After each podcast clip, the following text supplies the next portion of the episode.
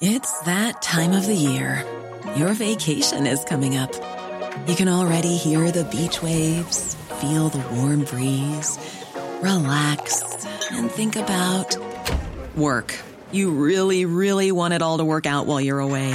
Monday.com gives you and the team that peace of mind. When all work is on one platform and everyone's in sync, things just flow wherever you are. Tap the banner to go to Monday.com. There's never been a faster or easier way to start your weight loss journey than with PlushCare. PlushCare accepts most insurance plans and gives you online access to board-certified physicians who can prescribe FDA-approved weight loss medications like Wigovi and Zepbound for those who qualify. Take charge of your health and speak with a board-certified physician about a weight loss plan that's right for you. Get started today at plushcare.com slash weight loss. That's plushcare.com slash weight loss. plushcare.com slash weight loss.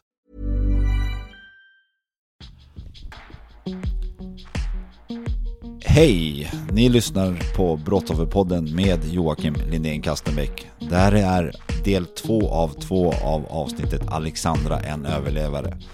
Om ni inte har lyssnat på del 1 så rekommenderar jag att ni gör det. Annars så sätt igång avsnittet på en gång så ni får ta del av den fortsatta intervjun.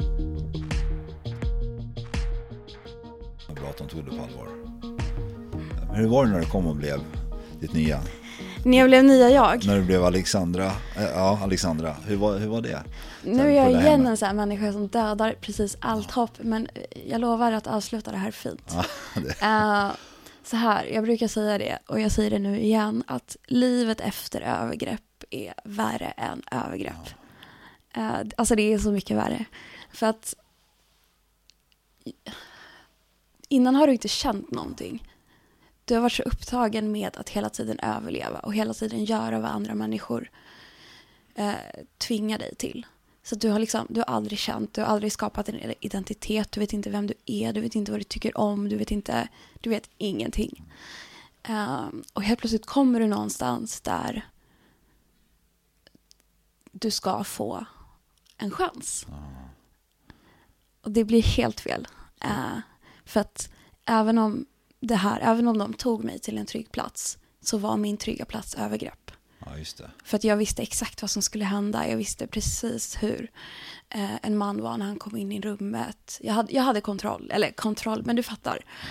Eh, och det här nya var ju främmande för mig. Så att jag, eh, jag tyckte det var jobbigt. Jag tyckte liksom inte om det. Jag kände mig inte trygg i det. Men det skyddande boendet då? Var det, fanns det specialister? För jag är ju väldigt intresserad med den hjälpen som finns att få efteråt. Liksom, fanns det någon specialist där som man kunde prata med?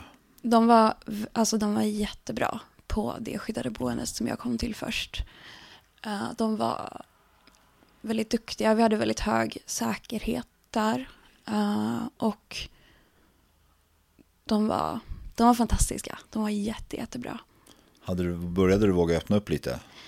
Jag började våga prata med dem Uh, lite grann, absolut. Och jag började våga känna, jag började få liksom panikångest och uh, de sov med mig på nätterna för jag vågade inte vara i liksom ett sovrum ensam. Och visade mig att men det är okej att äta och jag, alltså som sagt, jag hade ju ingen aning om vem jag var som person. Så att jag bara apade efter alla andras beteenden. Och det är ju inte så här supertrevligt att börja härma andra människor. Eh, Nej, det, men det är väl lite charmigt också. så det är så här, det, eh, så att jag, jag hade, det var lite så svårt att navigera. Eh, men jag, jag fick vara där så länge som jag behövde. Och, och väldigt länge för att vara ett skyddat boende. Så att jag, jag fick ändå vara tillräckligt länge för att reparera vad ska jag säga, fysiska skador. Och börja tänka på psykiska skador. Men hur lång tid tog det ungefär tills du tills du kommer till det här skyddade boendet, skyddade boendet och du också verkligen börjar förstå att där du sa att nu, börjar, nu måste jag börja bearbeta allting som har hänt till mig. Okej, nu har jag chans att ta tag i mitt nya liv eller göra någonting av det här. Tog det lång tid eller var det? Oj, gud, det tog jättelång tid. Eh, till en början så var det ju, alltså, till en början så försökte jag att, eh, eller till en början var det två grejer. Det var dels att jag eh, var, kände mig malplacerad. Eh, efter att jag hade varit ett halvår på det här skyddade boendet så fick jag flytta till ett skyddat familjehem. Och då var det tänkt så här, ja, men det här är en 14-15-åring. Nu ska hon leva ett vanligt liv. Men ingen hade ju tänkt på att men den här personen har ju aldrig levt ett vanligt liv. Den personen vet ju inte hur man gör. Så för mig var det skitkonstigt att de satt och åt middag tillsammans, att vi skulle gå på bio, att jag kunde ligga i ett sovrum på nätterna och det kom inte in några män. Alltså allt var, allt var jättefrämmande för mig. Jag hade liksom ingen aning om uh, vad som hände. Och de var ju inte jättebra på att hantera det. De visste ju inte vart jag kom ifrån. De var ju så här, men vad är det här för grottmänniska vi har fått? Hon kan ju ingenting. Hon hälsar ju inte ens liksom. Och det var ju inte för att vara otrevlig, utan det var bara så här, jag... Du visste inte? Jag visste inte. Um, och det blev, det blev för svårt uh, att vara i den verkligheten, för att jag hade inte koll på den. Så jag gick tillbaka till min verklighet. Mm. Uh, ganska snabbt. Jag gick tillbaka till, eller jag började sälja sex själv. Och uh, blev väldigt sjuk i anorexi. Um, för att jag kände att det var någonstans du det som var tryggt. Över någonting? Jag tog kontroll ja. över det. Uh, och på det sättet kunde jag finnas i den här världen som alla andra tyckte jag skulle vara i också. Den här normala och sådär. Återigen, jag och mina så här, du vet, två världar. Ja, men, det, men jag förstår det. Jag förstår det verkligen att du behövde det. Så här, för att det skulle bli någon slags kontroll och trygghet och otryggheten. Liksom. Det, det fattar jag verkligen. Ja, och också att men ingen förklarar ju hur... Uh, alltså om ingen ger en person vård och bara sätter den i ett sammanhang, alltså flyttar den från ett sammanhang till ett annat. Uh, alltså det är egentligen, det är ofta problemet att vi tänker att det räcker att flytta folk rent geografiskt. Men, men sen då, folk ja. behöver ju hjälp. Ja, problemen finns ju alltid kvar. Ja, uh, så att man behöver ju hjälp också, man behöver ju inte bara flytta. Men erbjöds ingen eh, terapeut eller var det att det erbjöds fast, fast de inte lyckades nå dig eller att de, de hade fel verktyg för att kunna nå dig? Om man säger. För mig erbjöds ett normalt liv. Ja, okej. Okay. Då fattar jag verkligen att det, det krockar. Det krockade. Ja. Och eh, när man märkte att eh, det inte fungerade för mig så började några år av eh, så här, flytta runt överallt placeringar. Okay. Där det var liksom behandlingshem och familjehem och skyddade boenden och den här typen av boende och den där typen av boende. Och man försökte, men jag fick inte stanna tillräckligt länge på en plats för att bygga någonting stabilt den här äh, inre kretsen, hade de, det måste blivit en polisgrej med dem. Vi ska fortsätta. Mm. Du ska fortsätta prata, ursäkta om jag avbröt dig. Nej, men... nej, nej, kör, det är din podd. det är våran podd just nu. Eh, eh, men det måste blivit en polisgrej mot dem, eller du var bara tyst i förhören så här, och du pekade inte finger åt någon? Um, det blev, jag levde under aktiva dödshot. Så det skyddade uh, identitet alltså? försök. Ja, liksom från en, de här personerna. Vilket också var en av anledningarna till att jag fick flytta runt så mycket. Okay. Och uh, bytte identiteter hit och dit, överallt liksom. Uh, och det blev rättsprocesser. Det blev, det blev inte bara en, det blev många rättsprocesser.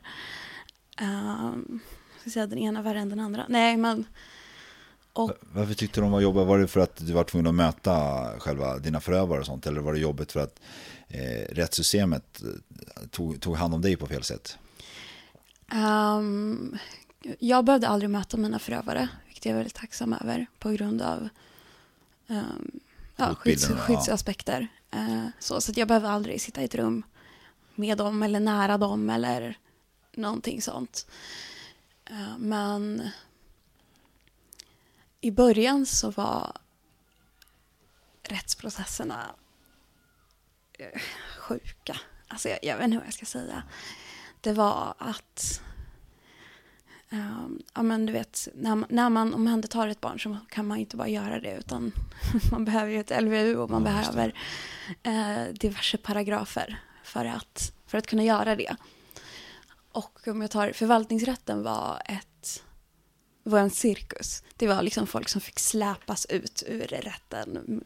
Eh, med, liksom, med så hjälp av vakter. Och Oj. det var bara ett stort kaos typ. Och det handlar om att vem som ska bli din förmyndare då, eller? Förvaltningsrätten? Ja, det handlar om, eh, finns det grund för att ha den här personen placerad? Finns det grund för att ha de här begränsningarna? Finns det grund i offentlig och sekretess? Eh, Ja, okej. principen, ja men du vet, man, man kollar en massa grejer. Ehm, och sen om man tar liksom tingsrätt, alltså åtal för brotten. eh, från början så skickades allt det till en jävig polisstation som mycket försvann. Så, så, så den där Ove, inom situationstecken, Ja. inte var inblandad. Nej men så att, eh, så att Bosse skickades allt. Bosse så. Ja, Bosse. Ja. Ove känner jag är är lite för många. Kör Bosse. Vi har börjat hänga ut någon. Nej, men Bosse fick allt. Eh, och Bosse behöll ju inte det. Nej, jag gjorde inte det. Han gjorde sig av med det. Eh, så. så att jag eh, eh, la ner efter det och försökte igen några år senare. Ja, okej. Men var det när du var mer, mer den här nya Alexandra? Var det då du försökte? Ja, Ja, men vi kan, vi, vi, vi, om du backar tillbaka igen. Du säger Mm. att du, och på, på grund av din hotbild och allting, så åkte runt Sverige på Mm. massa olika ställen. Du blev mer självdestruktiv. Eh, mer om att sälja själv allting Mm. och, och skadebeteende med, med maten och allting. Så här. hur, hur går du vidare? Om? Hur, hur, hur, hur går allt? Jag går vidare när jag eh, genom de här olika boendena uh, så fanns det alltid folk som försökte hjälpa mig. Även om socialtjänsten inte var särskilt kompetent i sina beslut uh, i hur de skulle placera mig så fanns det alltid människor på de här olika ställena som var fantastiska. Uh, och som jag än idag liksom har så mycket att jag ska säga, tacka för och bär med mig. Och Typ så här vanlig personal som jobbar? personal Ja, som blev liksom trygga vuxna.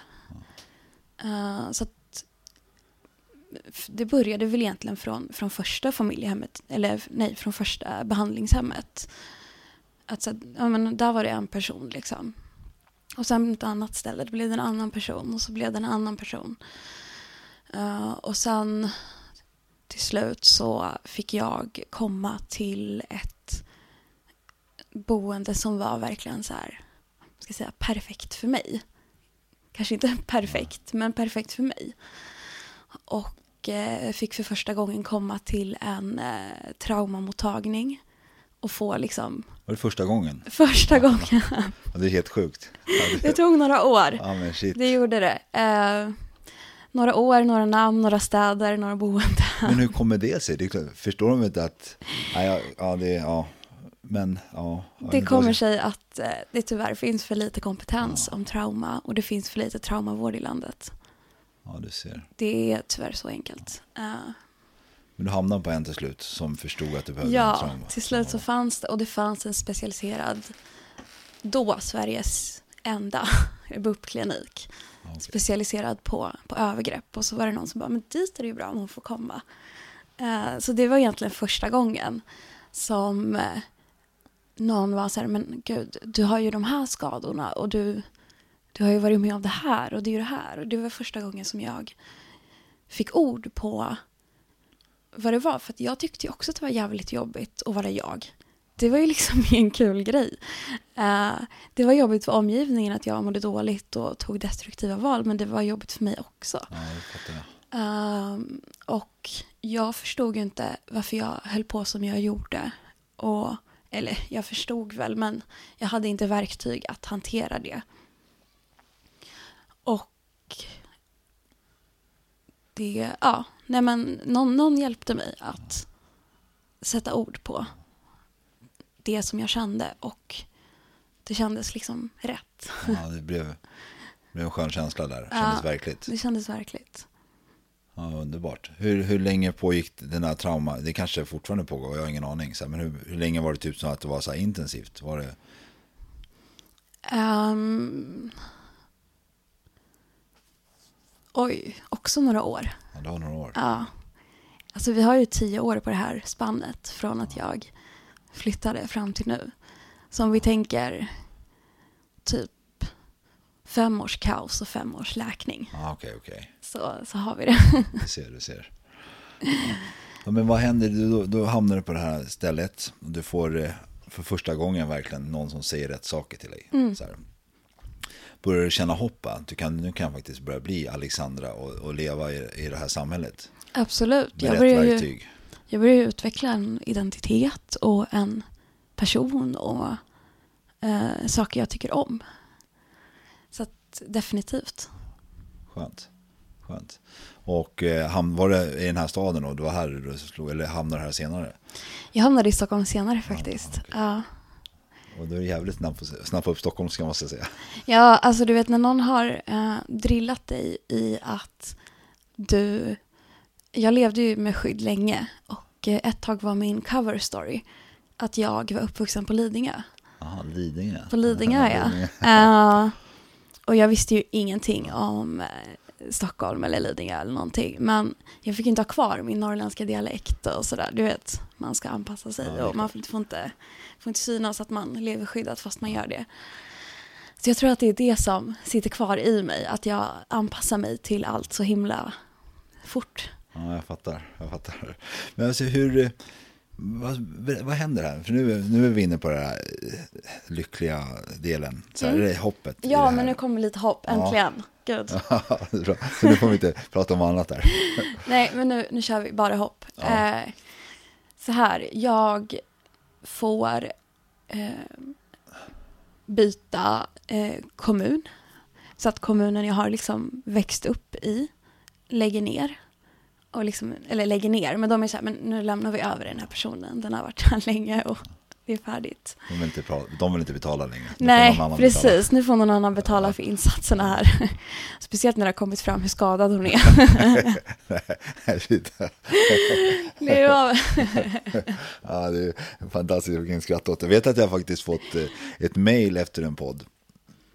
Och vi sitter och skrattar så här, ja den är intervjuad. Då var det Ja. någon som skrev ett mail till mig och tyckte jag var dum i huvudet. Som, hur kan du sitta och skratta när människan har pratat om sådär? Så jag kände mig lite dum, så jag ringde upp personen. Så här, Ja. det var, Tyckte du att jag var, hon var nej, nej, nej, verkligen Nej, inte. nej, men jag är också så här, jag behöver att, alltså om jag ser att du sitter och håller på att bryta ihop, då vill jag ju inte berätta för dig. Då vill jag ju ta hand om dig. Är, även om du är liksom en stor vuxen man, så vill jag ju bara ge dig en kram om jag ser att du håller på att börja gråta. Jag har varit nära ett par gånger ska jag säga. Men jag, Ja, men jag väldigt- ser det, men då har jag bara tittat ner så jag kan fortsätta prata. Jag har blivit väldigt känslig sen jag blev pappa. Jag har blivit jättekänslig. Ja, nej, det är, det är okej, jag gillar det. Så här, jag är stolt för mina känslor. Ja. Så jag var avstängd väldigt Man länge. ska känna. Mm, verkligen, känslor är toppen. Ja, det är det verkligen. Så här. Nej, men lite hopp så här. Jag tänker att för mig handlar det om att få en trygg plats. Det var det viktigaste.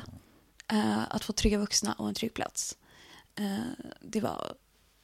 Ja, hade jag inte det hade inget annat fungerat. Så jag fick en trygg plats och jag fick trygga vuxna. Och eh, sen fick jag chans att i min takt hitta mig själv. Att det var så här, jag behövde börja med väldigt ytliga grejer. Att så här, okej, men vad tycker jag om för väder? För att det var liksom på den nivån, jag visste ingenting om mig själv. Uh, och sen bara så här, okej, men jag, jag gillar inte snö och jag gillar inte kyla även om jag är från Norrland, liksom, sorry. Uh, jag vill ha sol och jag vill att det är varmt. Och sen bara, okej, men vad tycker jag om för mat? Vad tycker jag om för färger? Och sen lite mer så här, okej, men vad känner jag? Vad har jag för värderingar? Vad, vad tror jag på? Vad vill jag? Uh, så att det kom ju efteråt. Och sen så här, okej men hur? Hur är det, det här som jag vill vara?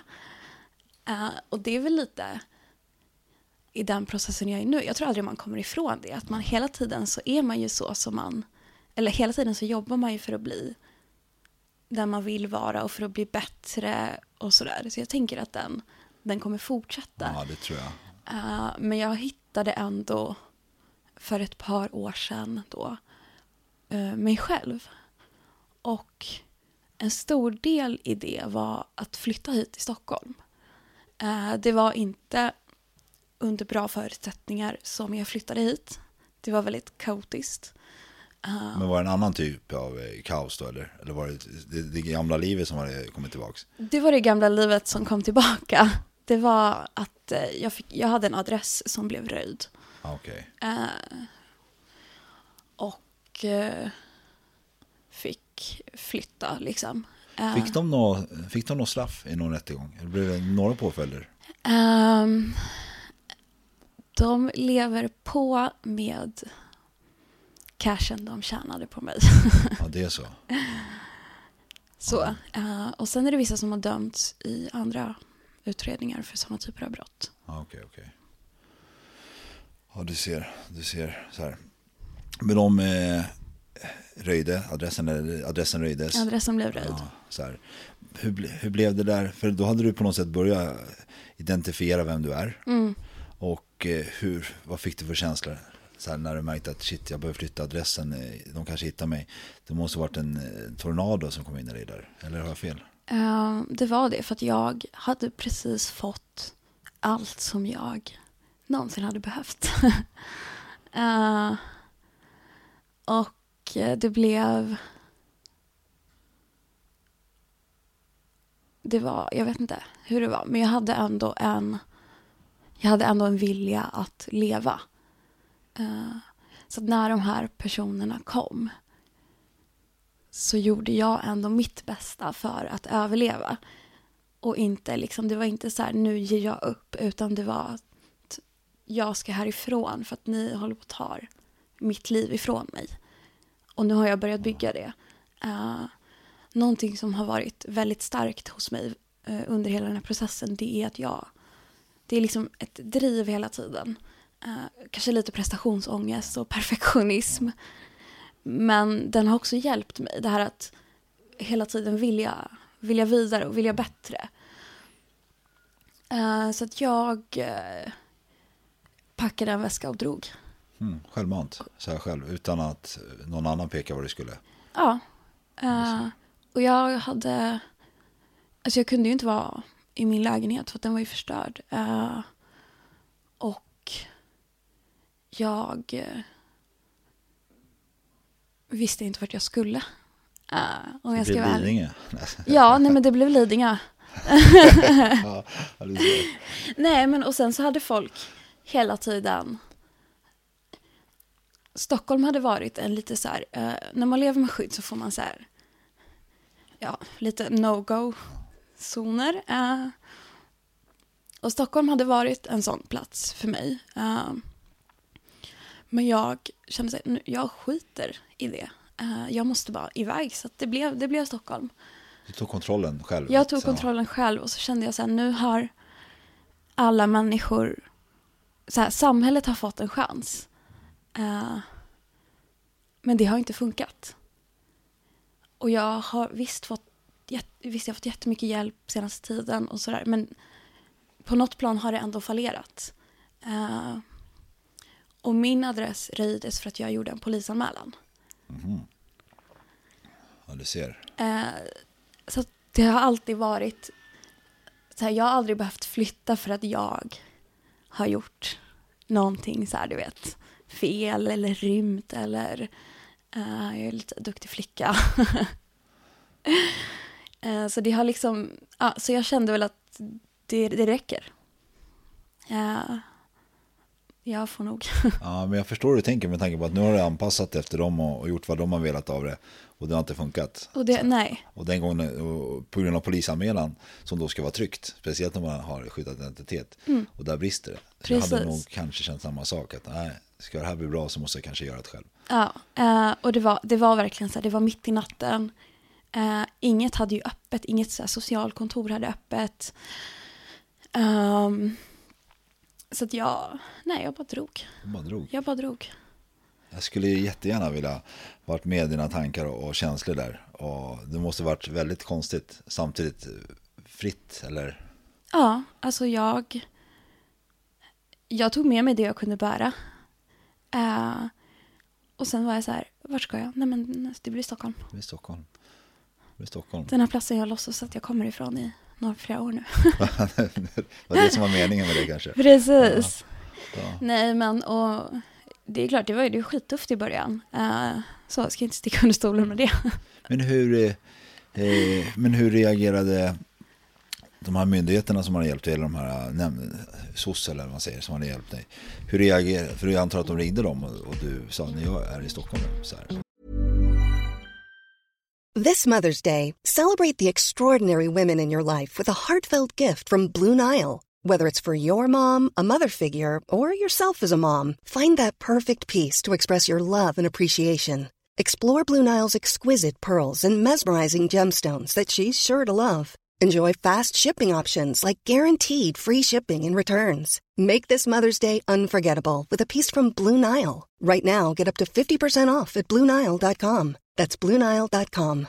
How would you like to look five years younger? In a clinical study, people that had volume added with Juvederm Voluma XC in the cheeks perceived themselves as looking five years younger at six months after treatment. Look younger, feel like you. Add volume for lift and contour in the cheeks with Juvederm Voluma XC. Reverse signs of aging by adding volume to smooth laugh lines with Juvederm Volure XC. For important safety information and to find a licensed specialist, visit juvederm.com. That's J U V E D E R M.com. Not for people with severe allergic reactions, allergies to lidocaine, or the proteins used in Juvederm. Common side effects include injection site redness, swelling, pain, tenderness, firmness, lumps, bumps, bruising, discoloration, or itching. There's a risk of unintentional injection into a blood vessel, which can cause vision abnormalities, blindness, stroke, temporary scabs, or scarring. Talk to a licensed specialist to find out if it's right for you.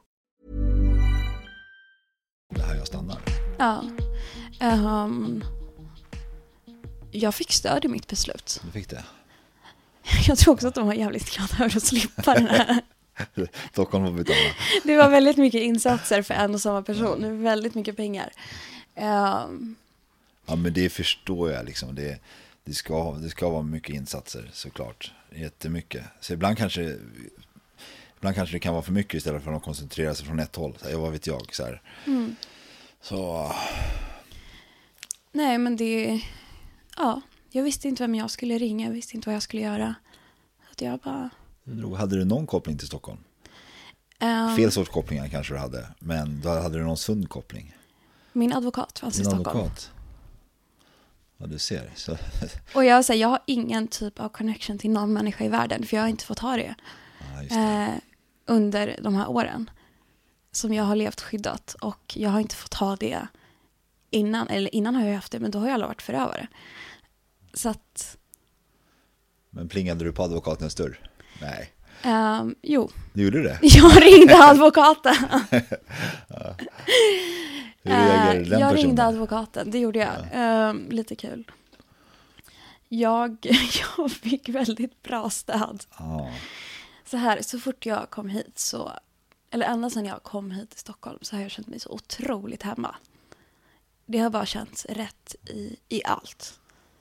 Eh, I vem jag är, i vad jag gör, i vilken typ av hjälp jag får, i hur jag blir bemött. Eh, här är liksom den första platsen där jag har kunnat leva ut Fantastiskt. utan att vara liksom begränsad på något sätt. För jag tror Stockholm kan ha motsatt effekt för många som, som söker sig hit. Mm. Så att, för att det är, det är väldigt lätt att känna sig ensam med ett vimmel av folk. Så. Precis. så det, kan- Men för mig, alltså så här, för mig som har varit ensam eh, hela tiden så gjorde det inget att det var några fler. fantastiskt. Verkligen. Om jag ska vara ärlig. Det, det spelade ingen roll. Hade du fått några sådana drömmar och förhoppningar också? Nu har du sagt att du faktiskt börjar veta vad du gillar för färg och, och för väder och allt det där. Men hade du också börjat få någon sådana eh, vad du vill göra? Ska jag plugga? Ska Ja, jag jobba? Absolut. Eh, jag tror jag pratade lite om min här, perfektionism innan. Men jag har ju alltid liksom pluggat och jobbat och eh, haft så här... eh, Så du har haft en utbildning och erfarenheter vid sidan om samtidigt här nu? Eh, och det har blivit, och det har varit liksom, vad ska jag säga, det har varit svårt att få ihop. Eh, jag fick ta gymnasiet på distans, för att jag fick inte vara i, en, i ett klassrum, för att det var för exposed. Ja. Eh, Så jag har behövt så här, vad heter det, ta lite Slingriga vägar. slingriga vägar. Eh, men jag har ändå... Nu låter det verkligen som att jag creddar mig själv. Men, och det, det är inte meningen att det ska låta så. Men jag tänker att jag har gjort mitt bästa. Eh, Det låter inte som att du creddar dig själv. Det låter som att du har gjort ditt bästa. det, det är jag övertygad om att du har gjort också. Det är verkligen så här. Eh, och jag kom på väldigt tidigt att jag ville, ville jobba med det här. Sen kanske jag inte var redo när jag började. Eh, för att jag började när jag var 17. Ja, okej. Eh, så, och nu med, liksom, i efterhand kanske jag skulle ha väntat lite längre. Men det var också ett sätt för mig att läka. Att liksom hjälpa människor. För det var någonting som jag kom på att jag ville göra. Jag ville hjälpa människor och sen visste jag inte hur. Eh, eller på liksom vilket sätt. Men jag ville hjälpa andra.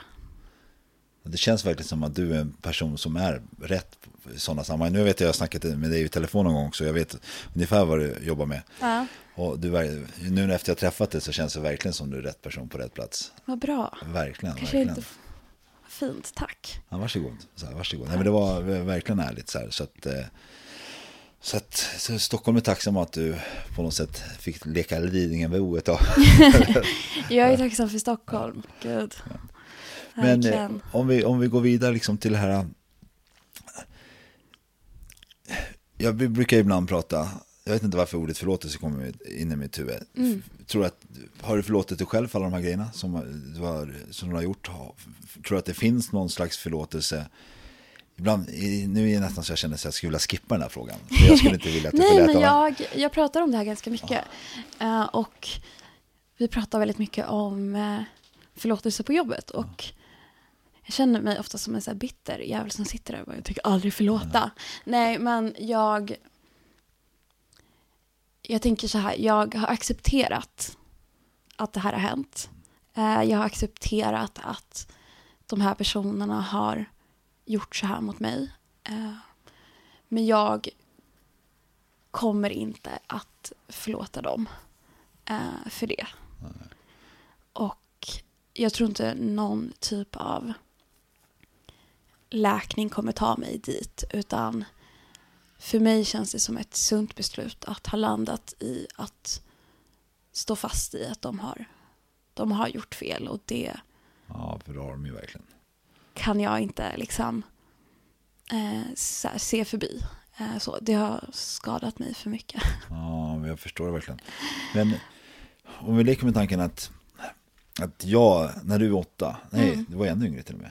Här. Men när, när du är som yngst när de här äh, våldtäkterna börjar, att jag är den här killen, vad skulle du vilja säga till honom? Så här. Finns det någonting du skulle vilja säga? Att han får inte säga någonting tillbaks. Så här. Du, bara, du får bara prata fritt till honom. Jag skulle vilja berätta vilken typ av skada personen gör. Att Man kanske inte, jag, jag vet inte, men man tänker uppenbarligen inte på det. Eller jag hoppas inte, eller en del av mig hoppas inte att man tänker på det, för då förstår jag inte hur man kan göra så mot, eh, mot något barn. Men det skulle jag vilja att personer förstår. Att så det du gör mot andra när du köper våldtäkter. Det sitter i för, för livet. Det ger liksom långtgående skador, både fysiska och psykiska. Och även om du blir en i mängden så är du en del av den skadan. Uh, och ingenting du gör på sidan om eller efter, alltså kan väga upp för det beslutet du har tagit när du väljer att köpa en annan människa. Och det är det vi måste sluta liksom bagatell, bagat, hjälp mig. Tack. sig. Ehm, hela den här grejen med sexköp. För att det är inte bara så här, ja, det är inte bara någonting man gör. Utan man tar ett aktivt beslut att skada en annan människa. Ja, verkligen så här. Och jag tror de här människorna som köper en våldtäkt, känner de att de behöver rättfärdigare så ska de fråga sig själva varför de känner att de behöver rättfärdigare verkligen. Precis, och behöver man rättfärdiga det så är det antagligen fel. Ja, exakt. Eh, Och eh, jag hade, var, en, jag var i en situation, där vi var i ett sammanhang förut, så ställer jag den här frågan som, för, som vi pratade om innan vi började med våldtäkt och sexköp, Mm. just de här orden. Så pratade jag med några och då fick jag, jag frågade om det skulle det vara okej om eh, sexförsäljning blev lagligt, skulle det vara okej som de har i Tyskland? Så här. Mm. Ja, det är absolut, säger de här personerna. Det är, det är klart det skulle vara okej då. Ja, men tror du inte att de här... Jag, jag är säker på att det finns en och annan som faktiskt går ut och äger sin kropp oavsett och, och kan sälja sex och utan att se någon större del. Det finns säkert någon där ute som kan det. Men det är en jätteliten procent. Alltså, alltså säkert 0,00 procent som faktiskt har den kapaciteten. Så, att, så man måste ta hänsyn för de andra 99,999 procenten. Och, Definitivt, där, och därför definitivt. ser jag att sexköp som våldtäkt och det ska inte legaliseras bla bla bla bla bla bla. Mm. Så här. Och jag, jag tror det är jätteviktigt att man använder rätt ord. Men jag hoppas att vi är på väg dit ja. också. Ja, absolut. Det, det hoppas jag också. Jag tänker att vi tar ju steg på väg dit. Det är bara att det, det går så himla sakta. Ehm, och det tar lång tid att bryta säga, normer och ordval och sådär. Och, och media är ju en väldigt viktig del i det här. Att det hjälper inte om jag som yrke, eller jag hoppas det hjälper lite kanske, men om jag använder ett eh, okej språk när jag pratar om de här grejerna, då är det så här, ja men hon jobbar ju med det och hon pratar om det hela tiden. Och jag tror att fler, alltså om media skulle göra det, då skulle det vara lite mer så här, okej, men nu gör vi det på samhällsnivå. Ja, exakt. För att annars blir det bara så här, ja men hon jobbar ju med det, så det är, alltså, Ja, men jag köper det verkligen det du säger. Och just att nu berättar du också att du gick tillbaks till att eh, sälja din kropp till våldtäktsmän.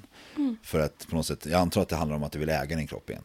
På något sätt, för det är det det handlar om eller? det handlar om att känna kontroll. Ja, kontroll. Igen. Ja, För att jag har intervjuat några som har blivit utsatt för våldtäkt. Mm. Och efter det så börjar de, kanske inte alltid sälja, men de börjar använda sin kropp för att göra självskadebeteendet. Mm. Och det är jättemånga som, som ligger i de här rummen och säljer sex, säljer våldtäkter. Mm. Och, och som råkar ut för en våldtäkt först. För att sen ligger där. Det, Mm. Jag tror inte allmänheten fattar hur vanligt det är. nej, nej, gud nej. Och det, det är ju sådär att om någon har, alltså det är en fullt vanlig reaktion på en onormal händelse. Alltså att, att bli utsatt för ett sexuellt övergrepp är ju inte något, det ska inte vara något normalt. Ehm, så att utveckla olika typer av sexuella självskadebeteenden, det är ju fullt normala reaktioner. Men det ju, betyder ju inte att eh, det betyder inte att man vill det eller någonting. Jag har mm, varit i situationer flera gånger där eh, men frågar mig så här, ja men eh, varför gör du det här? Alltså när de har köpt den här grejen så Ja, ja, men innan de köper sex eller efter eller någonting. Att säga, men, men varför gör du det här? Och, eh, för att, och då kan de säga så här, ja, för att jag vill inte att någon ska må dåligt. Eller jag vill inte träffa någon som ska må dåligt. Ja, det är surrealistiskt. Eh, ja, det, det är lite dubbelt. Men till en början så var jag så här, för, alltså för att liksom skydda mig själv från de känslorna. Att jag var så här, men jag, jag gör det för att jag tycker sex är härligt och kul och eh, jag gillar sex liksom. Och de bara, ja men vad bra. Eh, för att annars så finns det ju, det finns ju ingen som vill träffa en. Och det är å- återigen det här med att rättfärdiga, att man rättfärdigar då för sig själv också. Eh, för att man inte är, eller för mig i alla fall, för att jag inte var på en punkt där jag kunde känna allt det här. Eh, nu har jag, alltså jag har ju alldeles för mycket närvaro i mig själv och i mina känslor för att eh, kunna försätta mig i en sån situation. Min hjärna känner ju bara så här, "Ah, panik, nej, nej, nej. Men då var det ju bara så här att, nej men jag gör det här för att jag gillar sex. Alltså, Ja, och de gick på det. ja men det är klart. Ja, De behövde ju också en anledning. Och då hade vi båda två en anledning. Ja, just det. Alltså en annan grej som kändes det på något sätt att du var mer attraktiv på den här marknaden ju yngre du var? För du pratade lite om det också. Eh, definitivt. Det här... Eh, gud, jag har sagt så många grejer som jag tycker låter hemskt att säga högt. Eh, men eh, du ser ju hur jag ser ut. Eh, och det har varit en, en grej på marknaden också. Att jag har blivit så här kallad för eh, så här exotisk. Och det är ett ord som jag verkligen inte klarar av idag. Eh, och det har ju också varit en grej som har eh, vad ska jag säga, eh, gjort mig mer Populär. attraktiv på marknaden. Jag har aldrig behövt jag har haft privilegiet att vara en så här lyxhora eller vad man ska säga. Ja, ja, det, Jag vet inte om det är, ett, det är inte ett privilegium, det är fruktansvärt. Men eh, så jag har varit i, liksom, i den delen. de, de sammanhangen. Har de med mycket pengar. De med mycket pengar. Så Ja. nu skrattar vi åt där. Gör vi. Men nu kommer jag av mig lite. Jag brukar alltid ha nästa. Alltid. Nästa fråga. Ja, nästa sorry, hela tiden. jag rubbar det här lite. Ja, men, så här, men nu har du sagt att du ser. Har du stött på någon? någon Ja, gång? ja, ja, ja. Du har det? ja, de hör av sig och De gör det? de håller på Fortfarande? fortfarande. Ja, för jag, jag såg någon eh, på din Instagram. Så såg jag att du lade ut några bilder. eh, Så här, printade screener. För Ja. att, hur de verkligen rättfärdigar det. Ja. Det, det, hur, ja, de skulle må mindre dåligt själv. Och de, ja, håll det till mig bara så det är okej. liksom. Precis. Det är helt sjukt. Ja, Men hur, när, du, när du träffar dem, eller Mm. när du bara stöter på dem, så här, vad får du för reaktion? Alltså jag, jag tycker så jävla synd om dem. Ah, det är så. Eh, Bra där. För att jag, alltså från början var det jättejobbigt. Eh, då kände jag mig jättemaktlös. Jag kände mig tillbaka i utsattheten igen. Eh, det kändes som att till slut varje man jag såg var ju typ en för... Alltså det var jättejobbigt. Eh, och det var jättejobbigt att hantera också i början när jag nu vill jag inte säga att jag är, jag är inte offentlig, men i början när jag gjorde typ en första intervju eller något sånt, då var det också ganska svårt att, eh, att hantera. För det var så nytt. Men idag, jag har ju alltid, det här är också en jättekonstig grej, men så fort jag har varit med i något eh, medialt eller någon intervju, alltså någon intervju eller någonting så är det alltid gubbar som hör av sig och vill köpa sex. Och jag är så här, men du, jag har ju snackat nu i flera timmar om hela det här helvetet och så här, att inte köpa sex eller så här, vilka skador det ger. Och så hör du av dig till mig och vill köpa sex. Det, det, det, Det är så här, Jag har tappat typ hoppet om Nej, samhället. men så, så det kommer hända när vi släpper det här också. Och det har liksom blivit en grej där jag bara... Och nu är jag så här, nu är jag van vid det. Eh, och jag tycker bara, jag tycker bara de är så patetiska. Ja, det, De är så patetiska. Jag blir så här, och så känner jag så här, nej men okej.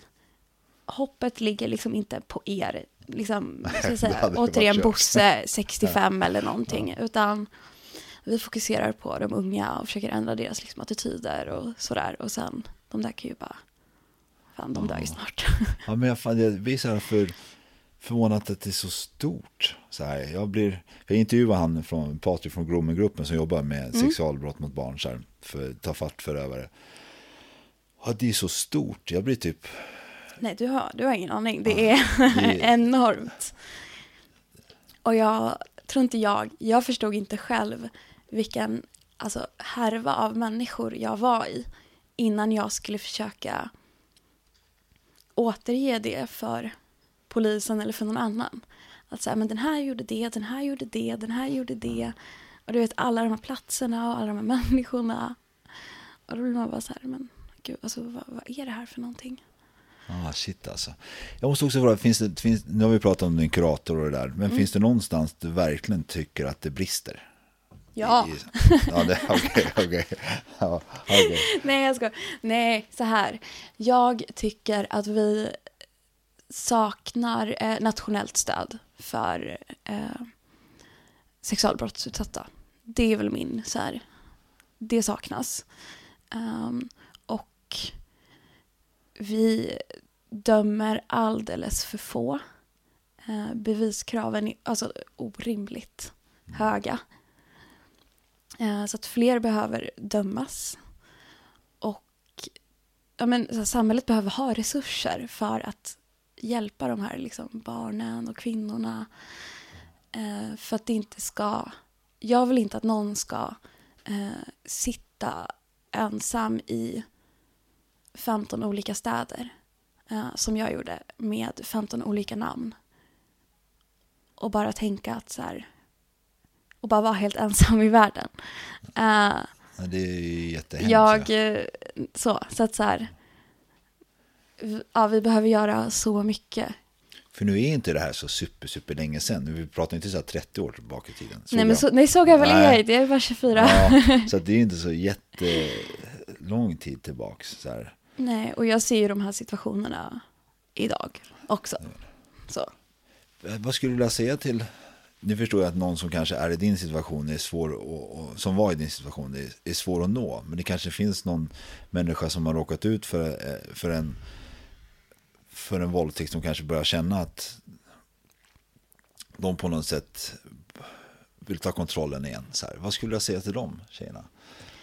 Jag skulle vilja säga att jag är så ledsen för det de har behövt gå igenom. Uh, och jag är så ledsen för den eventuella bristen hos samhället som de uh, kanske har mött eller kommer möta. Uh, men sen vill jag säga att, de, att jag tror på dem. Att de är skitstarka. Och att det är jättejobbigt och det kommer vara jättejobbigt. Men det finns en väg ut. Det var verkligen inte ditt fel att du hamnade där. Men det går att liksom skratta igen och tycka om livet och eh, hoppas och älska och ja men du vet, allt fantastiskt. Och det är svårt men du kommer komma dit. Finns det någon så här, hjälp som är att föredra? Eller finns det åt något håll man kan gå? Så här, finns det någon organisation du föredrar och eh, du kan rekommendera? Jag vet att Nova-gruppen i Norrköping tror jag finns. Finns det någon liknande här i Stockholm? Jag kommer ju alltid pusha för eh, Vonsa Vonsa? eh, som jobbar med att ge vård till sexualbrottsutsatta och med att liksom lyfta den här frågan i att det saknas eh, nationell vård. Och sen kan jag ju lyfta mitt eget jobb lite när jag ändå sitter här. Lyfter, Du får lyfta maskrosbarn. Ja, det får du jättegärna göra. Jag, tänkte, jag, jag visste ju då att det var där du jobbade, men jag vill inte riktigt säga det. Tänkte, det du. Nej, men de, de är ju fantastiska på alla sätt. Eh, och har en massa olika stöd för barn och unga. Ja, det är så. Som maskrosbarn. Mm. Så nu kommer alla de här som vill ta kontakt med dig verkligen vet vad de ska. Ja. Men en annan, nu kommer jag på den här frågan jag hade förut, men då pratade vi om ett annat ämne. Men jag, jag måste bara säga, hur lång tid har det tagit för dig att kanske börja få, hoppas jag inte blir för den här gången. nej, nej, nej, för- kör på, för, jag säger stopp. eh, För att ta, typ, att börja få en, typ ett, ett sunt sexuellt tänkande igen. Så här. Gud, det har tagit skitlång tid. Jag jobbar faktiskt fortfarande med det. Eh, och jag tror att jag, ska säga typ två, två år sedan kanske, eh, då var jag i en situation där jag för första gången kände att jag så här, kunde säga nej till sex. Uh, och då var det med en kille jag hade dejtat ett tag. Liksom, och han, uh, jag var så här, nej men du, jag, jag vill inte. Uh, och han blev ju lite så här skitsur och fattade inte. Och jag hoppade ju typ upp i sängen och bara yes, jag sa nej. Och han bara, vadå, det är ju jättejobbigt att du sa nej liksom. Men jag bara, nej, det här är en så bra grej. Jag sa nej. Så det, det tar tid. Eh, och sen så här, jag har jobbat mycket på att få en så här, vad säger man, så här, självbestämmande, att jag försöker hitta liksom mig själv i det hela. För jag har ju inte fått utforska min egen sexualitet på det sättet som jag eh, har. Eller på det sättet som, som andra kanske gör eller har gjort. Eh, så mycket har ju handlat om det och mycket tror jag handlar om det nu också. Att jag är lite så här i typ, vad ska jag säga, men vi provar det här. Men så här, hur blir det här? Och bara, men nu känner jag för det här. Eh, men är, jag är väldigt så här lyhörd till vad, vad, min, vad min kropp Ja, vill och inte liksom. Eh, men det är absolut någonting som eh, kan vara fint och kan vara bra idag och inte liksom bara vara misär så. Ja, Jag förstår. Men tilliten till killar då? Så här, hur, hur är den? Ehm, svårt. Den är, den är bra eh, faktiskt. Till killar och män. Jag kan känna tror jag ganska snabbt eh, vad det är för typ av eh, man jag snackar med. Ehm, och ibland har jag lite problem med att här, när, när jag träffar män i jobbsammanhanget, jag är lite för snäll kanske. Eh, men Att du är för snäll och de misstolkar din snällhet? Nej men att jag är lite så här, att jag inte... Jag kan vara så här att jag tror att jag dömer ut dem för att, på grund av min, eh, vad ska jag säga, på grund av min bakgrund. Ja. Men sen skulle jag egentligen bara ha lyssnat på min första känsla. Ja, jag fattar. Jag fattar. Nej, men alltså annars den är, den är bra. Eh, man, man, är, li- man är lite extra, du vet, så här, vaksam på olika signaler. Ehm, eller kanske inte du vet, men Nej, men jag, Eh. jag har ju haft, jag har ju också mina, Ja. så jag, Så att, så lite extra vaksam, absolut. Eh, och sen vissa situationer där jag typ inte kan, kan inte tänka mig att ha en manlig gynekolog liksom. nej, jag förstår. Eh, men annars går det skitbra. Hade du kunnat tänka det här, att om jag ställer den här frågan till dig för när du var 19 då, hade du kunnat tro att du, hade du trott på att du kunde svara på de här, hade du, trott att du, hade du trott på dig själv om du hörde dig själv säga de här grejerna? Nej. Eh, det hade jag nog inte gjort. Eh, eller vänta, vilka grejer menar du nu? Nej, men det här att du faktiskt på något sätt kan säga nej, att du har tillit till killar och du typ har en någorlunda, någorlunda sunt förhållande till sex. Mm. Så här. Nej, nej men nej, verkligen inte. Jag tror att jag kanske hade sagt det för att vara liksom duktig och eh, stark och ja men du vet så. Men jag hade ju aldrig kunnat tänka mig att det skulle vara på riktigt. Eh, och att jag skulle kunna liksom nyansera det tänkandet och ja men du vet bara ha det så här. När skrev du boken? Eller när, när släppte du boken? Typ när jag var 19, nej men Ja, då- jättelänge sedan. Eh, så det är så mycket i den som jag så här, skulle vilja eh, skulle vilja ändra och göra om och sådär. Eh, så vem vet, det kanske Kommer en, kommer en liten ny en version. uppdatering? Ja. Håller, men jag antar att, eller var det bara en dag du bestämde, jag ska sätta mig och skriva ner tankar? Eller har du typ allt håll på skrivit? Jag har alltid skrivit och jag skriver fortfarande. Att skriva är ett sätt för mig att någonstans eh, få ut det som jag inte kan, kan uttrycka. Eller någonstans att samla ihop mina tankar. Men skrev du också när du var ung? Så här, Ja, jag har alltid skrivit. alltid skrivit. Men vad hände med de papperna? För de måste ju vara eh, väldigt djupa. De är extremt mörka. Mörka, ord Eh, kanske. väldigt, väldigt mörka. Och eh, vissa blev ju hittade och eh, jag fick ju inte ha liksom några egna grejer. Eh, så att när man hittade någonting så brände man upp det. Men sen så hade jag några eh, filer så som jag hade gömt. Jag var väl, man var väl en liten hacker på den tiden. Eh, så de har jag kvar, så det är så några dokument. Som är, alltså det, det är knappt jag kan läsa dem. Alltså det är bara misär och misär och misär och misär.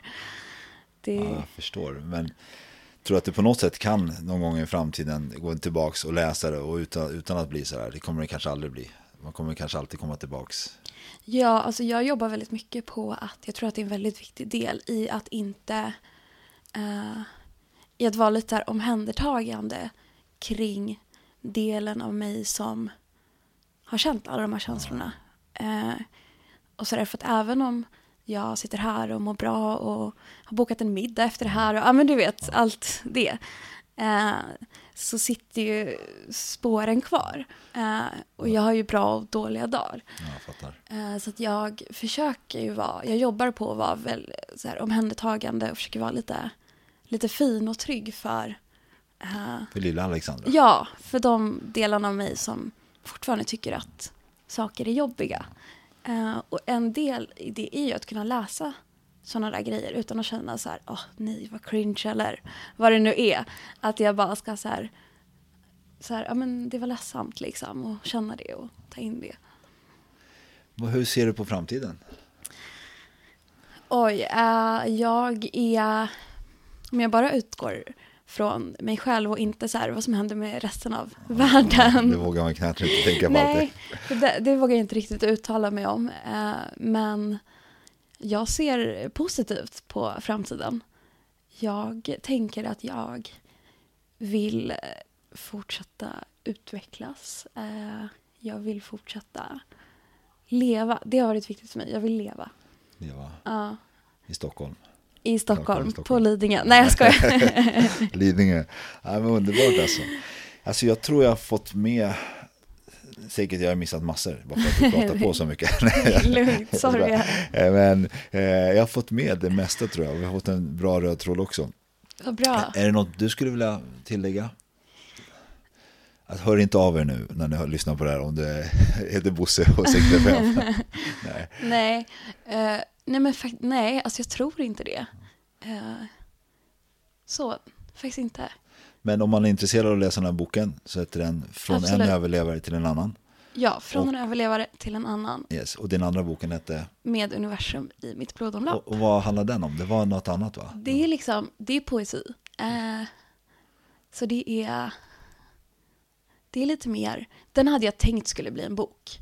Eh, så den är kanske lite mer så eftertänksam. Den andra är lite mer eh, rå. Okej. Men, men jag tycker om den. Eh, eller, får man säga så? ja, det får man göra. Det är klart.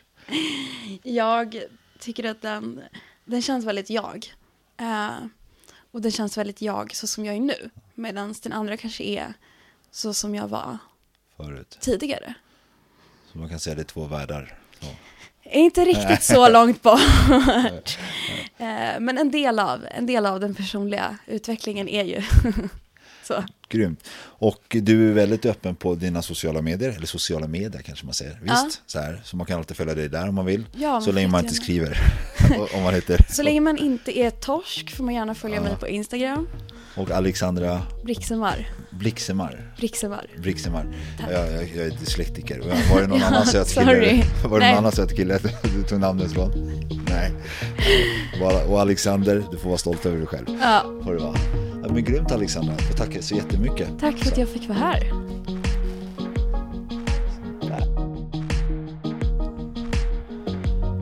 Sådär, nu har ni lyssnat på bägge delarna av Alexandra en överlevare igen. Jag vill återigen med hela mitt hjärta tacka Alexandra för att hon kom hit och delade med sig av sin gripande historia.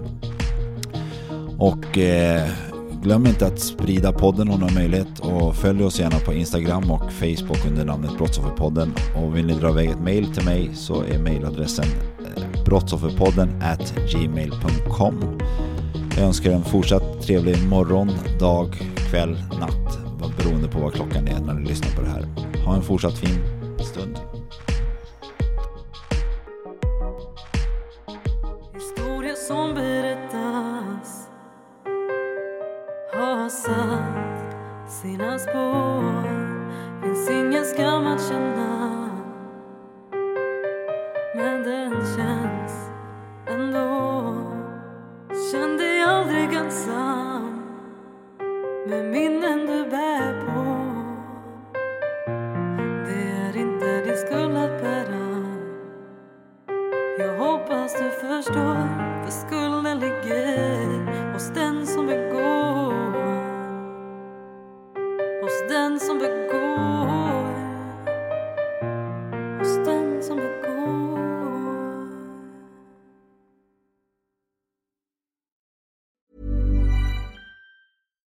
Here's a cool fact a crocodile can't stick out its tongue. Another cool fact you can get short term health insurance for a month or just under a year in some states. United Healthcare short term insurance plans are designed for people who are between jobs, coming off their parents' plan, or turning a side hustle into a full time gig. Underwritten by Golden Rule Insurance Company, they offer flexible, budget friendly coverage with access to a nationwide network of doctors and hospitals. Get more cool facts about United Healthcare short term plans at uh1.com. Hi, I'm Daniel, founder of Pretty Litter. Cats and cat owners deserve better than any old fashioned litter. That's why I teamed up with scientists and veterinarians to create Pretty Litter. Its innovative crystal formula has superior odor control and weighs up to 80% less than clay litter. Pretty Litter even monitors health by changing colors to help detect early signs of potential illness. It's the world's smartest kitty litter. Go to prettylitter.com and use code ACAST for 20% off your first order and a free cat toy. Terms and conditions apply. See site for details.